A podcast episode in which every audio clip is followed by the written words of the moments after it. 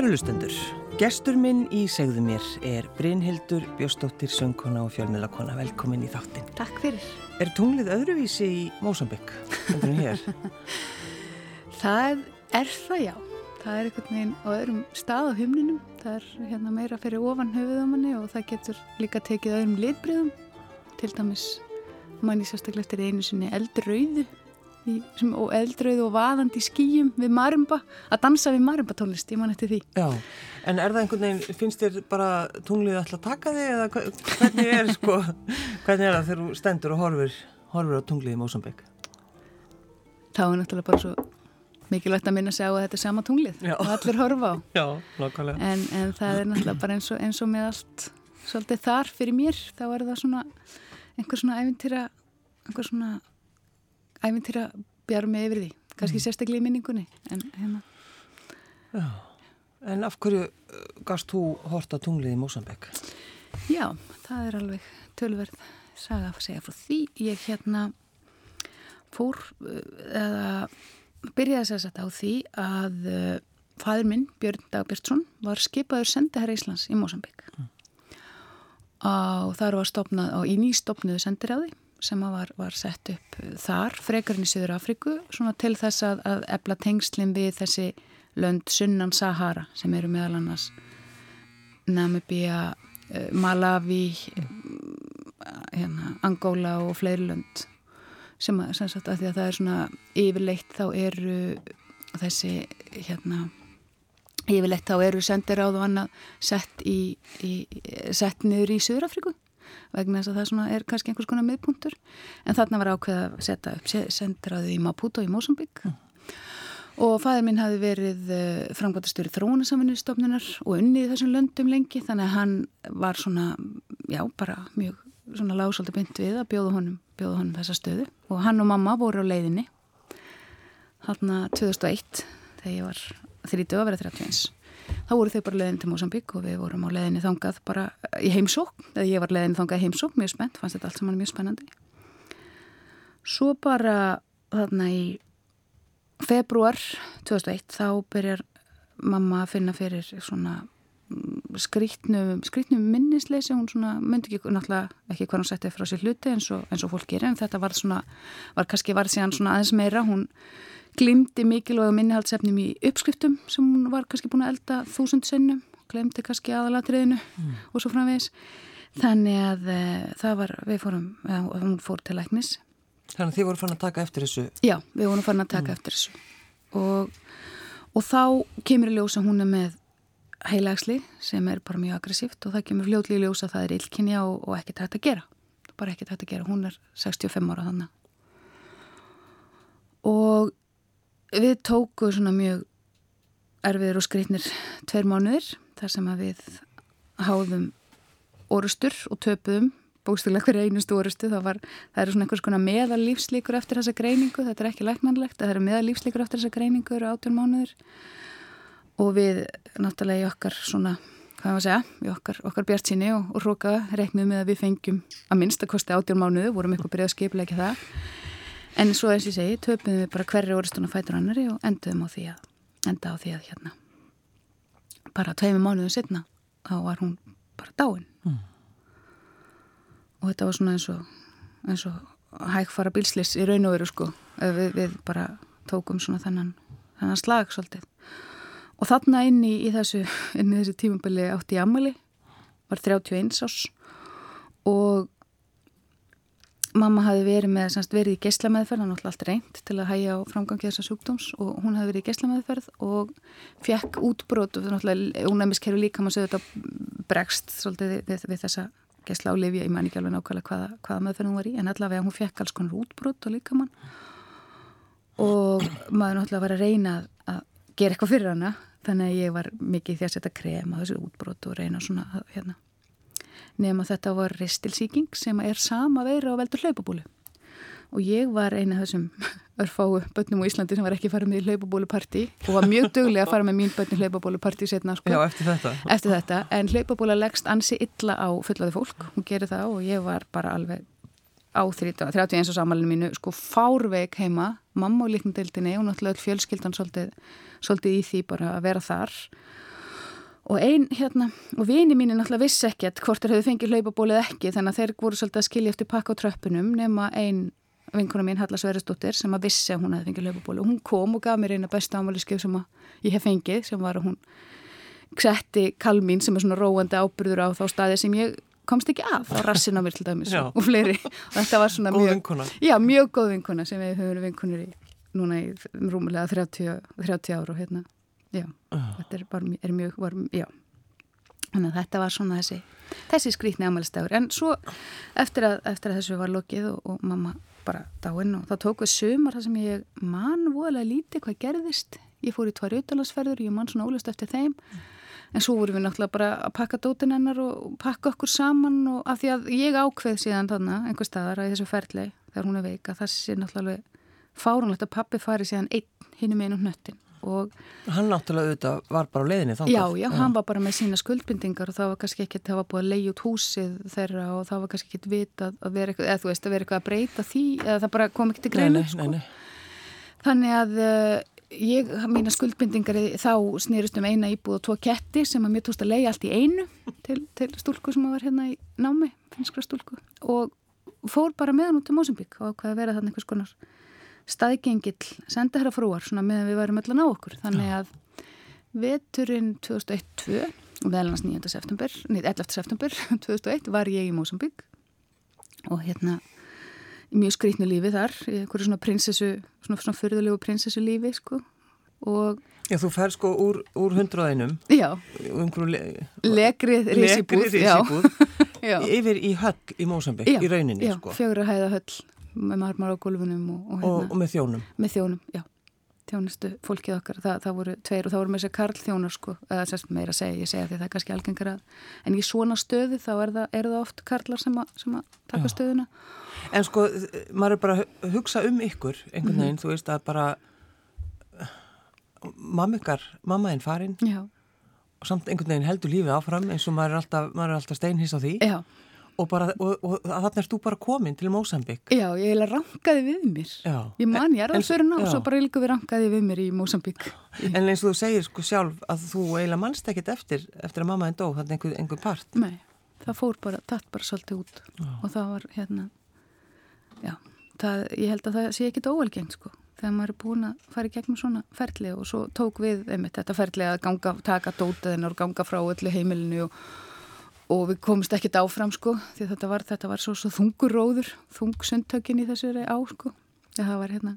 En svo rankaði ég bara við mér í höll í Mósambík ég, hitta bara í, og að kynnast einhverju alþjóðlegu samfélagi þar og náttúrulega líka upplefa landið og, og menninguna og, og fátættina og dýralífi og bara, já, Afríku En sko það, það segja svo margir e, einmitt að þegar maður fer þangað til Afríku að maður fái svona Afríkuveiki. Já. Maður erði bara alveg sjúkur í Afríku? Já, já ég gengst fyllilega við því já. að vera með Afríkuveiki. Ég, hérna, það er bara eitthvað við já, það er bæ, bæði eitthvað við, við bara loftið og, og, og, og sólina og svo bara landið og ég er svo sem ekki sérstaklega sólar ég, ég fer ekki sérstaklega vel út úr samskiptum við sól sko Já, þeir hlustum þessu viti ekki breynildu hvernig hún lítur út á rauðherð já, já, og með hvítahúð Já, rauðherð með hvítahúð og fær freknur bara og, já, og, og þar svo bara halda mig til hljés Var, var hort á því svolítið? Já, það var hort á mig en, en ekki eins mikið og á ljósartólk uppliði ég Það já, svona, meina? Já, ég þótti einhvern veginn kannski óskrítin eða einhvern veginn eitthvað. Kannski. Já, já.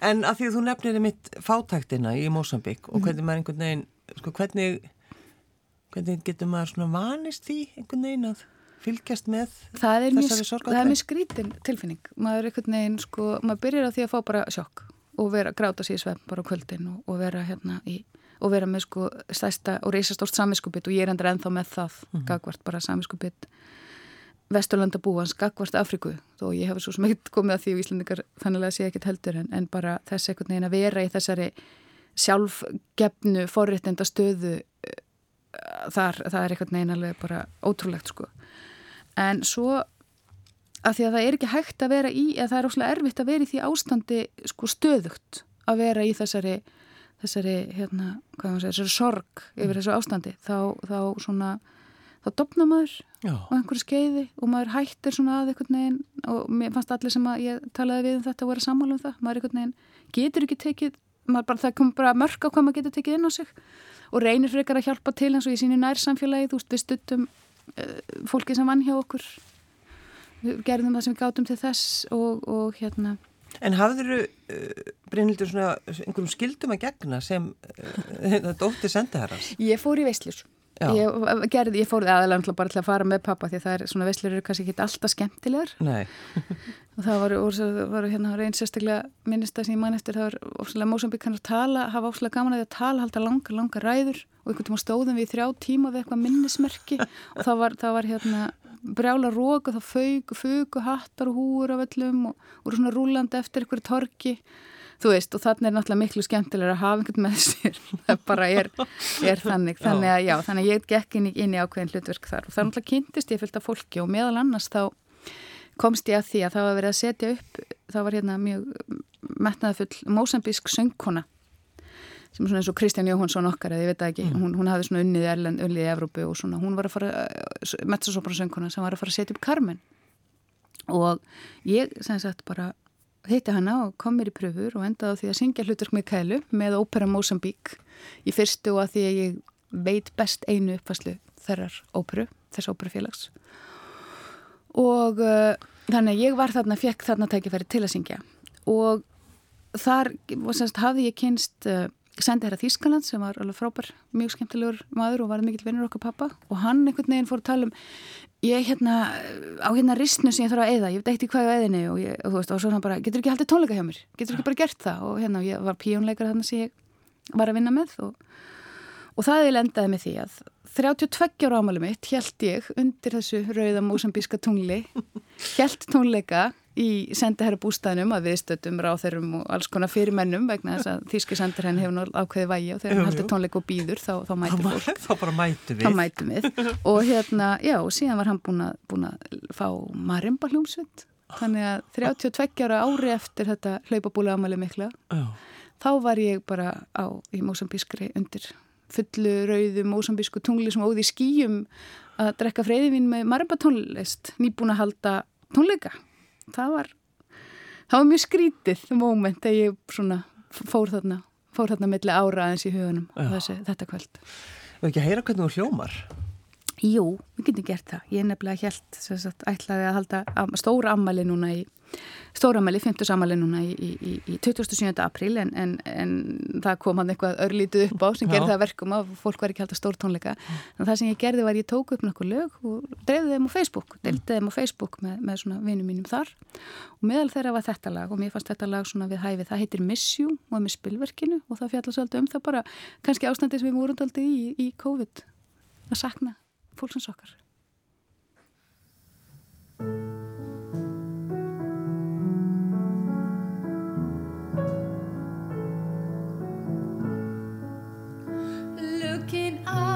into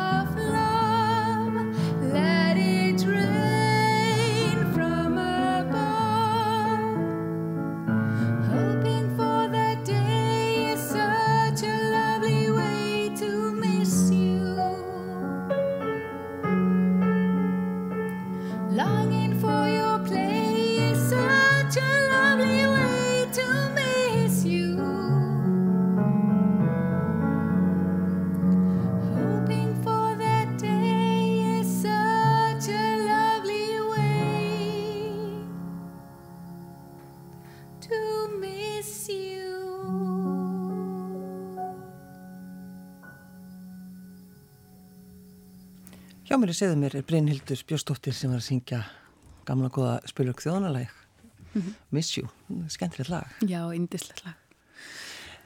Segð mér aðeins meira frá pappaðinum þegar hann er 63 ára Já. þegar hann missir Hann er 63 ára þegar hann missir mömmu og þau voru búin að vera saman í 30 ár eða meira, 35 þau voru búin að saman allavega mjög lengi. Og hann, hann kynnist svo annari konu? Já, svo bara þarna eiginlega bara árið ári setna þá, þá kemur hann heim í frí og, og þess að sagt, komum við heim bæði og hann kynnist kynnist konu og Hvernig brást þú við? Ég var bara ég var bara 13 ára Ekki 31? Nei, nei, ég var bara 13 ára og ofsalega leiðileg. Mér fannst þetta alveg svakalega skrítu þetta er kannski líka því að þegar maður er á þessum aldri þá reiknar maður einhvern veginn ekki með því að þurfa veginn, finna þessa tilfinningar. Já, finna þessa tilfinningar einhvern veginn, allt í enu pappi minn bara komin, bara komin einhver kona sem ég þekk ekki neitt og hún farin að hafa einhver áhrifin í mínu lífi og, og hún á börn og hennar börn komin inn og ég var bara og ég var bara ógæðslega leðileg sko já. ég skamast mér mjög mikið fyrir það og eins og ég segi það, ég, hérna, ég get, og hún, hérna, hún Sigriði Jóhannesdóttir, ég var, var mjög lengi að, og já, mjög, mjög, eða, svo sann, kannski ekki mjög lengi mjög leðileg, en ég var, var áþarflega leðileg og ég, og það, en það er bara svolítið skrítið, hvernig maður einhvern veginn, ég var að segja líka, maður regna með því kannski að, þú veist, jújú, jú, að, kannski einhvern tíma þurfum að taka, mögulega að taka stáfið þetta, þá er það þegar fólk er sko tí ára, eða eitthvað. Já, já, já, já. En, en í þessari, einhvern veginn heldur að, að maður sé komin í einhverja stabíla stöðu gagvart fóröðu sínum og tala nú ekki um og svo hugsa ég eftir á sko núna að, að það hefur náttúrulega verið algjörlega fárunlegt af okkur og af pappa líka bara einhvern veginn loka sér bara af og, og, og ákveða 63 eða 64 ára gammal bara hægt að vera til. Já, já, bara ég ætla að verða ekkill Já, ég ætla að verða ekkill og hérna setjast í kör og það hefði náttúrulega bara verið alveg alveg galið sko. Mm. og hérna við og, og konan hans, Sigriði Jóhannesdóttir hún var náttúrulega bara alveg einstu kona og útrúlega hefni fyrir okkur að fá hann inn í, inn í okkar líf. Mm. og, og hennar börn sem við erum sagt, ennþá í góðum tengslum svona þessi stjúpsískinni og fulloninsaldri mín og hérna hennar þessi og fjölskyldu þannig að það var. En uh, við svo og hún sagt, fór til Afriku með pappa þannig árið eftir þannig að þá var ég svolítið laus við að vera kannski eitthvað svona svona hvað maður sagða, svona, stuð, svona stuðningsæðili hans eða þannig, en ég fór aftur út og var, fór þarna tvis og sinnum og dvaldi ykkur á mánuði í Mosambík eh, hjá þeim og held með tónleika í sendiræðu Vatikansins það er annars saga. En eh, já, en svo sem sagt gerist það að hún uh, greinst líka með krabbamenn og, og, og, og við sem sagt mistum hana líka. Mm. þannig að 2005 Hvernig bara, já, hvernig gekk pappaðinum að, að díla við það?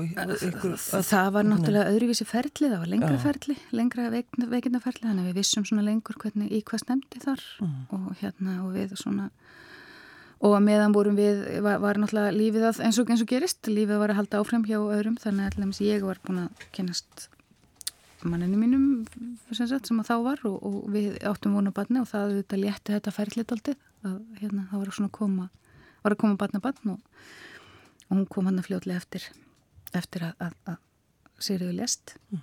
en svo í hérna, svo bara á þessum þá, þá er sagt, skipluð Afrikuferð þarna um um uh, í Já, í, í janúar þannig sem sagt, Sigrid er hann um haust og þannig janúar er skipulega Afrikuferð og pappi fer í hanna bara mm. því að hann eitthvað neina er bara náttúrulega en þá staður aðin í því að halda fram í lífsitt og þar kynnist hann konu og þess að ég segja, við, þetta er svo skrítið að tala um þetta, þetta er svona hryllilega óhefni sko og sorg.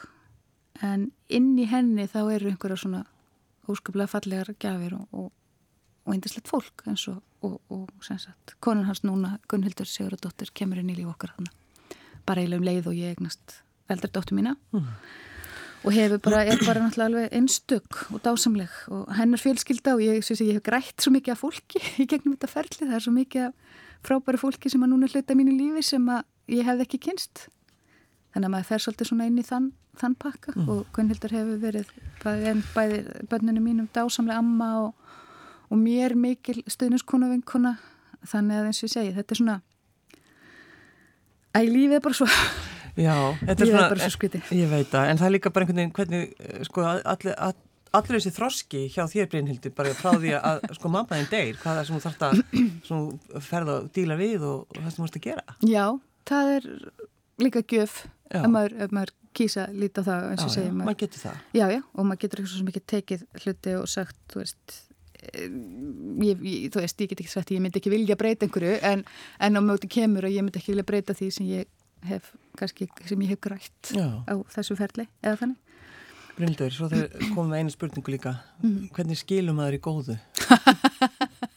Já, ok það kannski kemur þessi, þessi tróski inn að maður hefur mist fólk sem maður ekki vendum og kann það, eða þekkir það kann það náttúrulega ekki, kann það aldrei en uh, ég sagt ég og, og pappi stelpnaðina minna Magnús Teitsson við fyrir sex árum þá, þá ákvaðum við vorum við búin að finna út úr því að við ættum ekki lengur samlið í sambúð.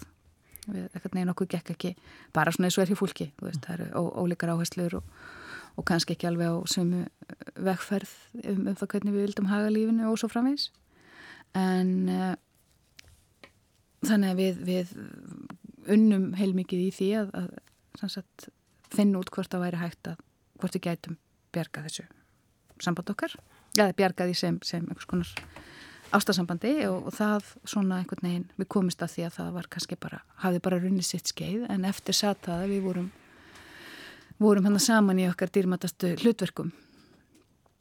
Og, og svo vorum við náttúrulega alltaf mjög góði vinnir og við vorum með sama húmor og, og einhvern veginn. Og við bara tókum með þetta ákvörðunum að við ætluðum ekki að láta við ætluðum ekki að vera leðileg og við auðvitað vorum búin að vera mjög leðileg þannig að við kunnum það alveg. Og fólk er náttúrulega, ég menna það er eins og, eins og fólk segir, þú veist, af hverju skilduði fyrst eru svona góði vini og við vorum náttúrulega ekki alltaf góði vini, það er bara þannig sko. Og við kannski áttum ekkert. En við ákvaðum að ákvaðum þetta bara. Já. og við gerðum svona lögðum okkur fram við eins og til dæmis við vorum búin að bóka okkur sumarfrí. Og ákvaðum að halda því þannig við fórum fjögur saman í sömafri eftir að við vorum búin að tilkynna dæturum okkar sem þá voru 8 og 5 ára að, að við værum að skilja og það er, það er ekki lengri sagt, við myndum ekki öll búa saman alltaf og svo framvegis. Þá fórum, fórum við með þeirri frí, eða tveggja vegna frí til Svíþjóðar. Mm. indislegt frí, það var hitabilgja og við vorum þetta bara eins og voru á spáni. Og svona í því augmið að sína þeim að svona hvernig, hvernig einhvers konar framtíða, hvernig allavega sína þeim að þetta væri, þeirra öryggi væri ekki ógnaða meira en svo að við getum verið á samastað á sama tíma í tvær vikur í einu og, og hérna og verið Það er ekkert allir sem geta það. Nei og það er ekkert þetta ætlast til þessa völlum og fólk er náttúrulega fer inn í þetta ferli á mjög ólíkum fórsendum og mjög ólíkum tímabiljum í lífið sinu og svona. En, en þetta var allavega óskaplega dýrmætt og er óskaplega dýrmætt og er eitt af því sem ég hvað svona stoltust af í lífinu að hafa gert, mm. að geta gert að, að, að gera þetta þannig úr gardi að, og ég á, á þarna, og á ennþá seg, eða þú veist, eindislega tengda fóreldra sem ég vildi ekkert missa og þannig að ég er í mjög góðu sambandi við þau og, og Magnúsi við, við pappa og, og Gunnildi og hérna, mm. og þannig að þú veist, við erum bara öll og já, og svo eignaðist Mag, á Magnús eindislega konu sem heitir Charlotte og við erum mikla venkunur og stundum eru stelpuna mjög perraður því þegar þau koma að sækja þá lendur við okkur í kæftutörn og hérna, það er bara, erum við ekki að fara? Og við neyðum aðeins að klára hérna og svona, já, já, við hefum líka lagt okkur fram við að búa nálat hvort öðru þannig að það sé ekki flókið fyrir stelpunar að fara á milli og svona, það er svona ímislegt sem við hefum gert til að, til að gera þetta auðvöldra fyrir okkur og fyrir alla, já. bara Þegar þú fórst að læra söng, lærður hann hérna á Íslandi, Brynhildur? Já, ég gerði það. Ég fór í leiklistanám til London þegar ég var þannig 94 eða 93 og tók þar svona það sem kallaðist postgraduate kurs. Svo kom ég hérna heim og var þá ekki sem sagt, þegar ég fór út á að ég hefði verið gjaldgengi í félag íslenska leikara, þegar ég kom heim var búið að breyta reglunum og ég var ekki lengur gjaldgeng. Og þá voru ég góður á dýr og ég var bara svona býtið, nú er ég búin að veist, leggja þetta nám og mig, veist, þetta er það sem ég dreymir um að gera og, en ég kemst ekki inn í félagið og á þeim tíma var það svolítið þannig að þú veist ekki félaginu þá varst ekki að leiki stóruleikusunum og, og það var ekkert mikið um að vera annað og svona og þá var ég heldur ekki með þessar tengingar sem að fólk kannski myndar þegar það er saman í skólanu hérna.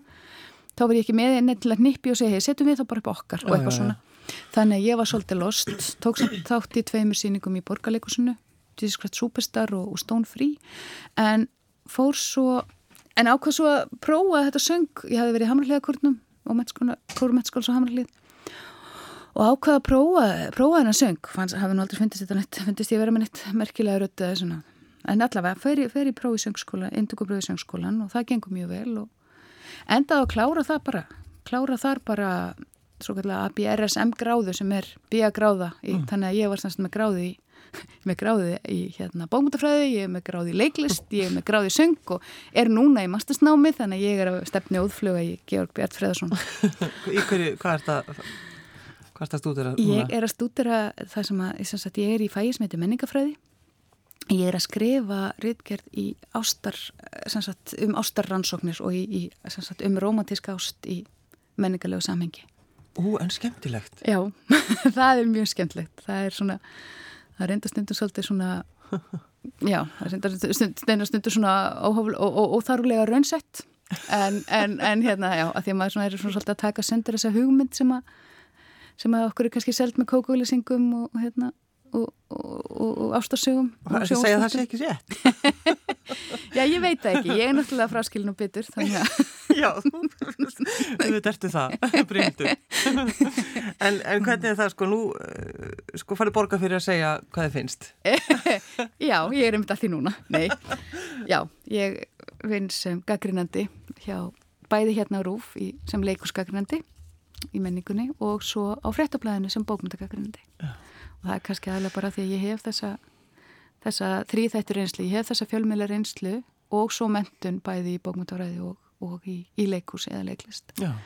það er kannski svona stafa hefur, er kannski einhvern veginn þarna, þarna þannig kemur þetta kannski saman. Já, einmitt, en það er nú oft þeir sem að fara velja sér þetta sko, þetta er það getur verið svolítið töf og þú getur fengið svona alls konar aðtjóðsendir, ertu hvernig gaggrinandi ertu, Bryndur Björnstóttir hvernig gaggrinandi er ég Ég reynir náttúrulega að vera sangjant gaggrunandi og heiðalegur. Mér, mér finnst náttúrulega, ég byrjaði því, já, byrjaði að hugsa náttúrulega, ég ber alltaf, alltaf alveg óendalega virðingu fyrir því átæki sem það tekur að koma leiksýningu á svið mm. eða, eða bók á bókibúð, eða skilur, já, já, bara, bara bók á blaðpapir.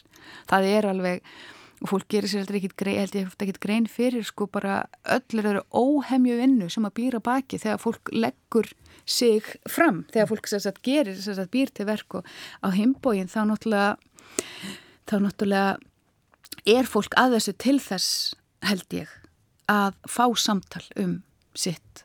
Annars væri fólk bara heim í stofu að, að fara með sinn hamlet eða skilur þau, þú veist.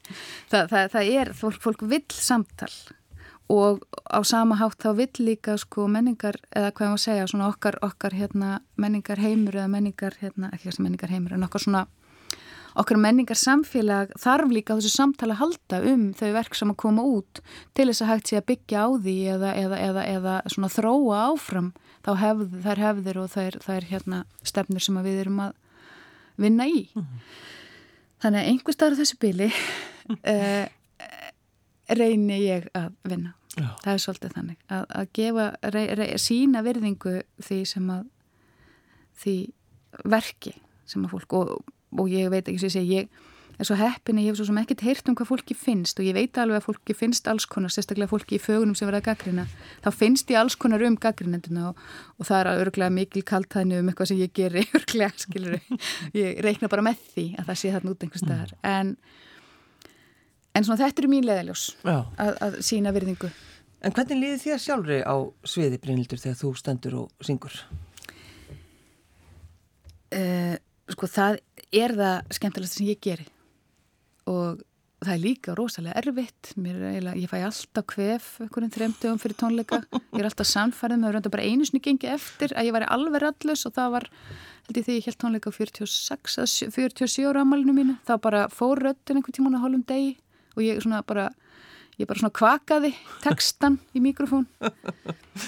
En uh, mér finnst alveg ofbóðslega gaman að syngja fyrir fólk mm. og að, að vera vera í þessum samskiptum við hópa fólki að fá að einhvern veginn með tónlist að að mynda þessi tengsl og eiga þennan þessar stundir með fólki. Mér finnst þetta alveg geggjað sko. Þú tekur svolítið sko afmælið þitt alvarlega. Ég tek, Já, ég tek afmælið mitt mjög alvarlega en það hefur afmælið mitt dóttið á ímsa daga eins og ég var að segja þessa, þessa tvo daga. Svo dimmit til að ég á afmælinu mínu sem að var sérstaklega þá var það heil dagur sem snerist bara mig í mínum huga. Ég var steinríkur í demisjón við vorum í Gólverabær og hérna en ég hef gert það og ég, ég til dæmis þegar ég var færtu og áttu var með sko, ég held að dæti mínu hafi þá verið fimm ára og, eða já, fjóra ára og eins ás þá ákvæði ég að stórtónleika í salnum. Held bara, fekk hljómsveit með mér og, og rattþjálfun hjá Þórildi Örvarsdóttir sem er stórkvæslu og hérna og Steinbjörna Ragnarstóttir sem þá var reyndar ekki orðin óperustjóri en ég segja það samt þegar ég tala um þessa tónleika og svo bara kom, já, svo kom óperustjórin og spilaði leik undir í óperuarjunum hjá mér. Hún vildi koma? Já, Páll Óskar steg á svið þetta, svona, þetta voru svona tónleikar sem eru hafðir í minningu. Minningum hafðir en það er nú kannski, þú veist einmitt þetta já, bara að halda stórtónleika já. Þannig að þú svona einhvern veginn hekar ekki til að fara hugmyndi Brynildur nei. Mér finnst, jújú, jú, svo heka ég náttúrulega fullt sko, en mér finnst bara Ég veit ekki, ég kannski fyrst þegar ég var að byrja að vera, uh, já, þegar ég var búin að velja mér þetta hlutskipt að vera listamæður, þá var ég alveg óskaplega hrætt og það er kannski líka eitthvað sem að gera það verkum og það er svona svolítið merkilegt að ég sé gaggrind í daga því ég var alveg ofsalega hrætt við gaggrinni og hrætt við viðbröð og hrætt við þannig að ég tók ekki þetta skref að setja mig sagt, í vald gaggrinninnar eða áhraundana eða eitthvað en alls konar hlutir, meðal annars það sem ég líst hér eins og það að missa fólk sem við ekki vendum og svona, það gerir það verkum og maður gerir sér grein fyrir því hvað lífið er stutt og dýrmætt og hvað hvað skiptir máli að, að sína hugur ekki vera, og það er eins og ég segi það kannski finnst ekki trú, það kannski ekki trú hugrægt að bjóða vinum sínum á tónleika þegar maður eru 50, skilur það kannski ekki eitthvað svona, það er ekkert svona verk sem maður, en, en, en á heimbóin þá já og þetta að framkvæma og ég hef, hef tekið að mér gegnum tíðan, ég held að mis leikstýrt tveimu stuttmyndum og það var verkefni sem kraðist hugrækki sem mm. hálfu, en ég er mjög óskaplega sátt við þá ákverðum í dag og hún kostiði mig heil mikið en þessar ákvarðunar að gera þetta en það gaf mig líka alveg óendarlega mikið. Mm. þannig að þannig ég mælu með, með því að taka stökkið. Og einhver tíma, ég er búin að ákveða það ef, ef ég næði að vera áttræð þá fer ég fallega stökk og tegir stökk og alls konar stökk. alls konar stökk, ég get alveg trúið að það er eftir að ganga eftir Bryndur Björnstóttir um, Lokalægið? Já, það er lag sem ég ætla að flytja á tónleikum í salnum núna 2003. eftir viku, 2003. júni. Þegar ég held upp á 50 samáli mitt og tónleikarnar heita 50 plus vegna þess að ég ætlaði náttúrulega að halda upp á það á ámælstæði minn 27. apríl en það gekk ekki eftir.